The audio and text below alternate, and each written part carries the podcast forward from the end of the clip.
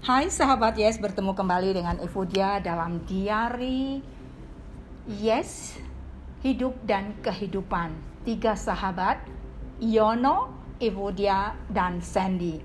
Episode kali ini masih merupakan rangkaian dari episode berikutnya tentang Sandy Harun yang pada waktu dia menceritakan suka ternyata ada duka di balik itu sehingga Yono dan Evodia sampai terpesona dan diam, tidak ada komentar.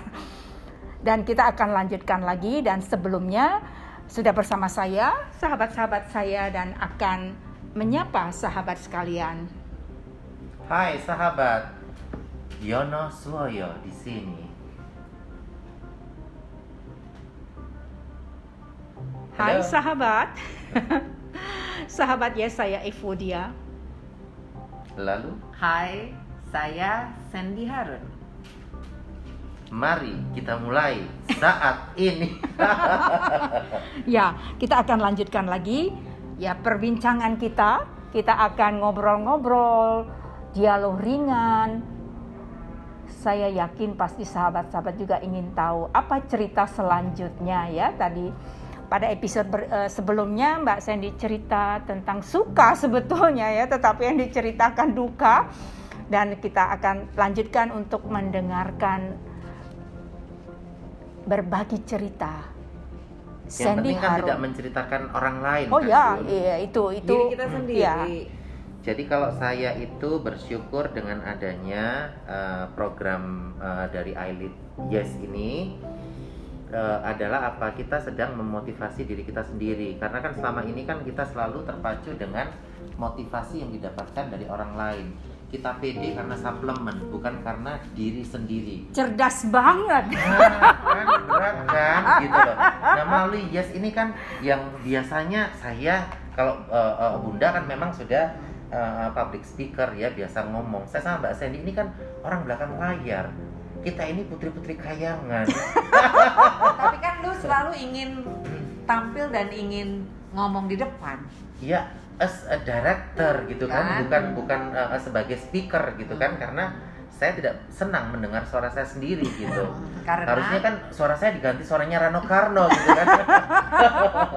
Di balik kacamatamu. Nah, Ya, kita akan lanjutkan. Eh, mungkin Mbak Sandy masih ada yang mau dibagi dengan sahabat-sahabat sekalian. unek-unek Ah, tidak unek-unek ya. Ini cerita, Cerita, suka. cerita, Bayangin cerita. Mbak Sandy cerita suka aja ya. Kita ti- bisa terbawa arus sampai sampai ketawa. bukan sampai terdiam. terdiam. Ya. Ternyata Sandy Harun tuh dulu penyanyi, Bu. penyanyi bener loh. penyanyi. Tirai apa? Tirai apa? Ah, udah. Pengalamannya terlalu banyak. Aku bilang Mbak, kenapa kok kamu tidak mau minta eh, lagunya Obi Mesak yang yang hujan? Ya kan harusnya kan lu ngetop saya bilang gitu. tidak ditakdirkan untuk jadi penyanyi. Betul, betul. Begitu. Just kidding. just kidding ya. Ya, ya. Oke. Silakan mungkin Mbak Sandy masih mau cerita suka yang dibaliknya ada duka atau mau cerita duka tapi dibalut dengan cerita suka. Jadi eh, gini, kenapa saya suka sekali sama Mbak Evodia dan Yono? Rupanya eh, saya dari kecil itu eh, selalu diberi mimpi dan kadang-kadang kalau saya mimpi tuh saya senang sekali cerita. Itu aja masalahnya. Yang lain saya diam gitu. Tapi kalau mimpi saya harus bicara. Kalau mimpi saya harus bicara. Sampai orang-orang tuh bosen.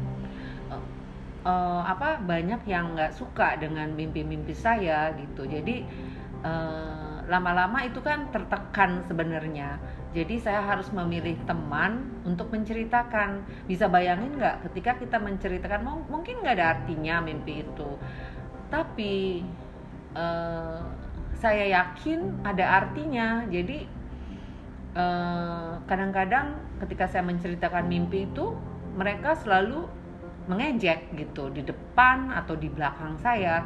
Jadi saya eh, sedih tapi saya harus mencari siapa ya teman-teman saya yang bisa saya ceritakan mimpinya yang eh, rupanya Mbak Evodia ini dia juga sering mimpi tapi lebih sering saya gitu. Saya tidur saya bisa mimpi. Nanti kadang ada artinya kadang nggak ada artinya gitu. Jadi tapi saya tuh ngotot gitu orangnya. Harus eh, bagaimana menyelesaikan mimpi ini saya nggak ngerti gitu. Dan Mbak Evodia ini tuh mengerti sekali siapa saya gitu. Eh, apakah mengerti benar atau tidak saya nggak tahu ya. Pokoknya dalam uh, perkiraan saya tuh dia mengerti gitu. Jadi sering sekali saya curhat sama dia mengenai itu. Misalkan gitu. Kalau misalnya uh, saya uh, harus misalnya wah saya harus ketemu orang ini Nah, dia tuh akan membantu walaupun nanti jadinya apa gitu. Jadi akhirnya ujungnya juga kita akan tertawa gitu. Jadi apakah kita jadi kita jadi kita malu atau gimana? Nah, itulah kadang-kadang saya nggak peduli. Tapi uh, untuk diulang kembali, yuk misalnya kita ketemu orang itu nggak akan terjadi. Uh, tapi ketika mimpi itu yang terjadi. Begitulah uh, pengalaman-pengalaman saya sama Mbak Evodia. Nah kalau sama Yono saya melihat dia pun juga punya six sense. Six sense dia tuh tinggi sekali. Cuman uh, saya lebih senang berantem sama dia gitu. Ah lu terlalu ini gitu. Tapi saya mendengarkan dia juga mendengarkan. Mendengarkannya bener apa enggak saya juga nggak tahu. Jadi kadang-kadang nanti bener mbak mimpi mbak atau bener kan mimpi saya? kata Yono. Yang mana ya? Saya kan pelupa gitu. Yang ini oke okay, oke okay, oke. Okay. jadi saya oh iya iya iya iya iya ya, harus diingatkan lagi gitu. Nah itu eh, ketika dengan mereka tuh saya bisa menceritakan seenaknya tidak ada beban gitu. Dan kalaupun mereka bilang itu beban buat saya tapi ya sudah yang penting saya sudah menceritakan dan uh, mereka bersama-sama saya uh, uh, bersama-sama saya uh, apa namanya uh, mau mengerti uh, saya punya kelebihan dan saya punya kekurangan. Itu yang saya uh, tenang yang saya merasakan uh, apa chemistry sama mereka berdua yang orang kalau ditanya ngapain sih lu bergaul sama uh, uh, Yono? gitu uh, dia kan begini begini begini. Dia punya kelebihan yang orang nggak punya. Dan saya juga nggak punya kelebihan itu. Tapi ketika dia punya kelemahan saya akan tutupi kelemahannya itu gitu. Itulah yang saya suka dari Yono. Dan ketika saya misalnya marah awas ya Yono. Jadi sama saya harus bilang saya tidak mau lagi berteman sama dia. Tandanya itu kalau saya udah ngomong gitu saya akan lakukan seperti itu. Jadi itulah yang yang dia bilang waduh kalau sama Mbak Sandy ini bener-bener saya bisa nggak berteman lagi. Tapi kalau sama Mbak Evodia awas ya Yono. Jangan ngomong-ngomong. Pasti dia ngomong kenapa? Karena dia merasa ibunya. Saya sahabatnya. Jadi berbeda. Dia lebih takut sama sahabat daripada sama ibunya. Intinya seperti itu saudara-saudara. Ya jadi memang lucu ya persahabatan kita ya. Ada ibu ada kakak ya dan ada adik ada anak begitu ya. Jadi uh, lengkap begitu ya. Ya. Nah, sekarang ini kalau kita lihat Yono itu seperti Mbak Sandy katakan tadi memang ya dia dia nggak takut sama saya ya. Yeah. dan saya juga sering ngomel sama dia tapi ya dia tahu juga ya dia sudah bisa baca. Ya ngomel-ngomelnya dia paling begitu aja. Nanti kalau aku datang lagi bun gitu dia luluh lagi ya begitulah ya. Nah tapi ini semua bisa terjadi juga aneh juga ya gitu. Kalau kita lihat ya kalau bukan ada sesuatu di balik ini bagaimana kita bisa bersahabat seperti ini? Persahabatan kita bukan cuma sekedar bersahabat loh hidup mati betul apa yang kita alami ini resikonya Iya. Itu betul. hidup mati loh. Betul, cuman ada pahitnya, Bun. Uh-huh. Kita bertiga ini ada pahitnya. Pahitnya? Pahitnya ketika sudah ngomong soal uang. kita harus jadi pribadi masing-masing. Iya kan? Enggak juga lah. Ya enggak enggak ya. Jadi gini, kalau Bunda e, menolongnya adalah melalui mereferensikan ke gereja-gereja atau ke komunitasnya Bunda, iya Mhm. kan? Tapi kan bukan finance-nya Bunda gitu. Mhm. It's not your uh, uh, uh, uh, Dulu kan Pak finance-nya dia, dulu. dulu Iya. aku. Dulu juga aku, ya kan? Iya kan? gitu. Sekarang Nah, orang sekarang Kita adanya punya orang lain, network, gitu. kita Network. punya network. Tapi Bukan kan berarti, sekarang, ya. sekarang kan itu pintu tidak akan dibuka tanpa trust. Ya. Karena Bunda sudah percaya, karena Mbak Sandy sudah percaya, maka pintu itu dibuka. Itu adalah tips bagaimana kita harus eh, dapat menaruh kepercayaan untuk orang terhadap diri kita kan. Itu penting. Aduh itu, mahal penting, sekali. penting sekali ya. Mahal sekali. Oh my god. Dan kalau kita Bunda lihat berdiamnya di mana-mana, bisa aja dong saya curi satu waktu itu kan, ya kan? Gak ada Tasnya merek yes. semua. Tasnya merek semua. Dibawa ke Banten. ya Belajar. juga merek semua. ya Jualin murah lagi. Aduh, capek deh. tapi itu semua eh, masa lalu yang kemudian kita jadi belajar ya. Eh, kita tidak menyesalinya bahwa Oh, enggak, eh, itu ya, tetapi kita belajar Pelajaran dan gitu. Hmm. mengapa juga kita mau berbagi ini ya apa yang kita alami kalau bisa orang lain jangan mengalami kan gitu ya kita mau berbagi. Nah kita kembali lagi tadi ya eh, Mbak Sandi sudah cerita dan kita mau lihat lagi pada waktu apa yang sebetulnya terbersit pada waktu kita berjalan-jalan begitu ya. Kok Mbak Sandi mau sih saya ajak, yuk Mbak kita ke Cirebon, yuk Mbak kita ke Bandung gitu. Itu kok mau? Jadi Apa alasannya? ah, alasannya begini. Saya dari kecil Aduh, duh, jauh banget. dari dong dari kecil itu saya eh, dari kecil saya senang sekali melihat Mother Teresa. Hmm. Saya selalu bilang, Oh, saya selalu oke. bilang, saya kalau nanti sudah besar saya ingin seperti Mother Tere- Teresa. Tapi eh, Tuhan menginginkan saya lain. Eh, jadi eh, saya harus menikah dan saya harus sakit dan saya harus bercerai dan saya punya anak tiga. Eh, setelah itu eh, karena saya tidak bisa seperti Mother Teresa bisa pergi ke luar negeri eh, membantu orang-orang gitu. Saya saya dalam eh, pandangan da- dalam jiwa saya saya itu sela- inginnya terbang. Terbang ke seluruh dunia. Itu keinginan saya dari kecil eh, seperti Mother Teresa. Tapi tidak terjadi karena apa yang kita cita-citakan belum tentu Tuhan izinkan tapi Tuhan izinkan di tempat yang lain. Jadi Mhm. saya dulu buka yayasan eh, saya menjalankan yayasan dibantu oleh mantan-mantan suami saya. Maksudnya dulu suami saya eh, saya me- mengusahakan sendiri.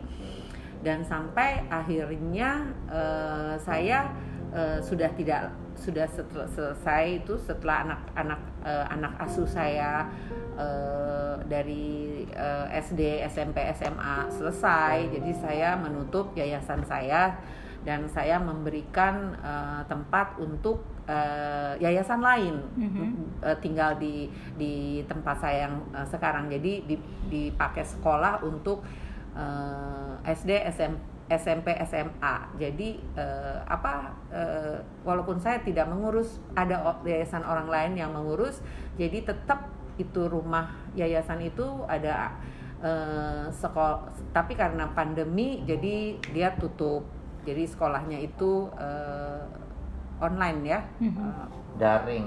daring ah. terus dah dari situ ke mana pun kalau ada orang yang bilang untuk sosial untuk jalan-jalan ketika saya sehat saya pasti bilang iya tapi untuk ketika saya tahu siapa yang mengajak saya gitu yang Mhm. membuat hati saya senang gitu Jadi kita beruntung nih Mas ya. Kita ini memang penggembira ya. Betul, betul. Yang kita, kita- sebagai saksi.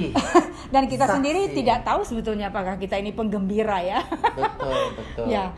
Nah, inilah sebenarnya itu bukan penggem- penggem- penggembira gitu melengkapi Melengkapi, gitu. ya. Saling melengkapi ya. Melengkapi melengkapi. apa chemistry yang ada itu dilengkapi apa yang ada di Mbak Evodia kelebihan Mbak Evodia saya eh, i- eh, apa sih maksudnya eh, Saling mengisi. saling mengisi apa kelebihan dia kekurangannya Yono kita bisa tutupi kekurangannya Ibu Evodia kita tutupi saling lah begitu saling melengkapi kalau buat saya begitu kalau bersahabat itu seperti itu suka dan dua dipikul bersama-sama Wow, luar biasa ya. Kan ada lagunya, Bun. Mhm. I need you, shalalalala. ada ada satu contoh gini Apa tuh? ada satu contoh gini kan eh, eh, Yono itu Yono dan Ratna itu sekarang kan eh, eh, batiknya banyak banget di Mhm. rumahnya bertumpuk kenapa bertumpuk karena Sarina tutup Eh, Sedang bis- renovasi. sedang renovasi terus di mana di Bali semua semua semua tutup karena pandemi ini bisa bayangkan nggak gitu Supportnya ya, Ah. sahabat.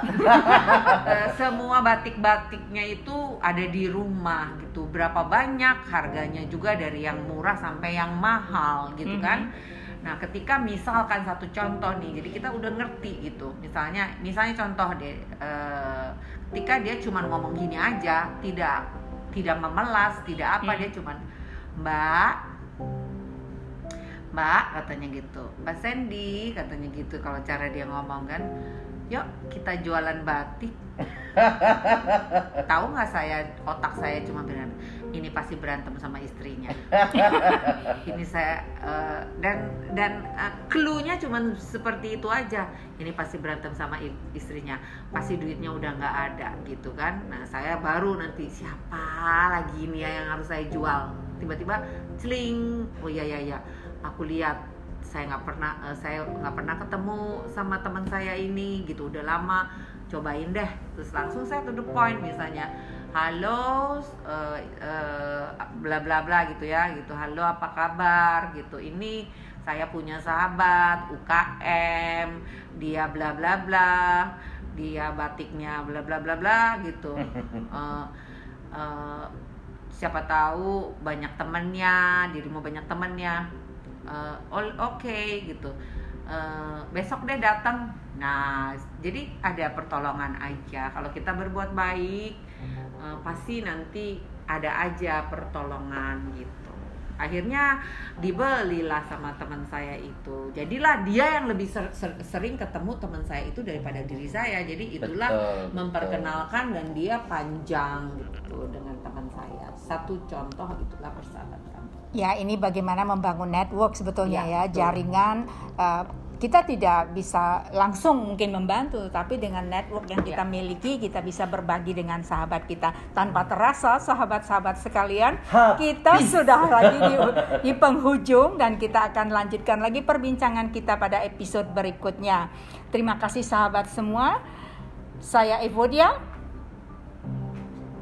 Yes, Yono, Evodia. Sandy. I I love love you, you, darling. Darling. Bye.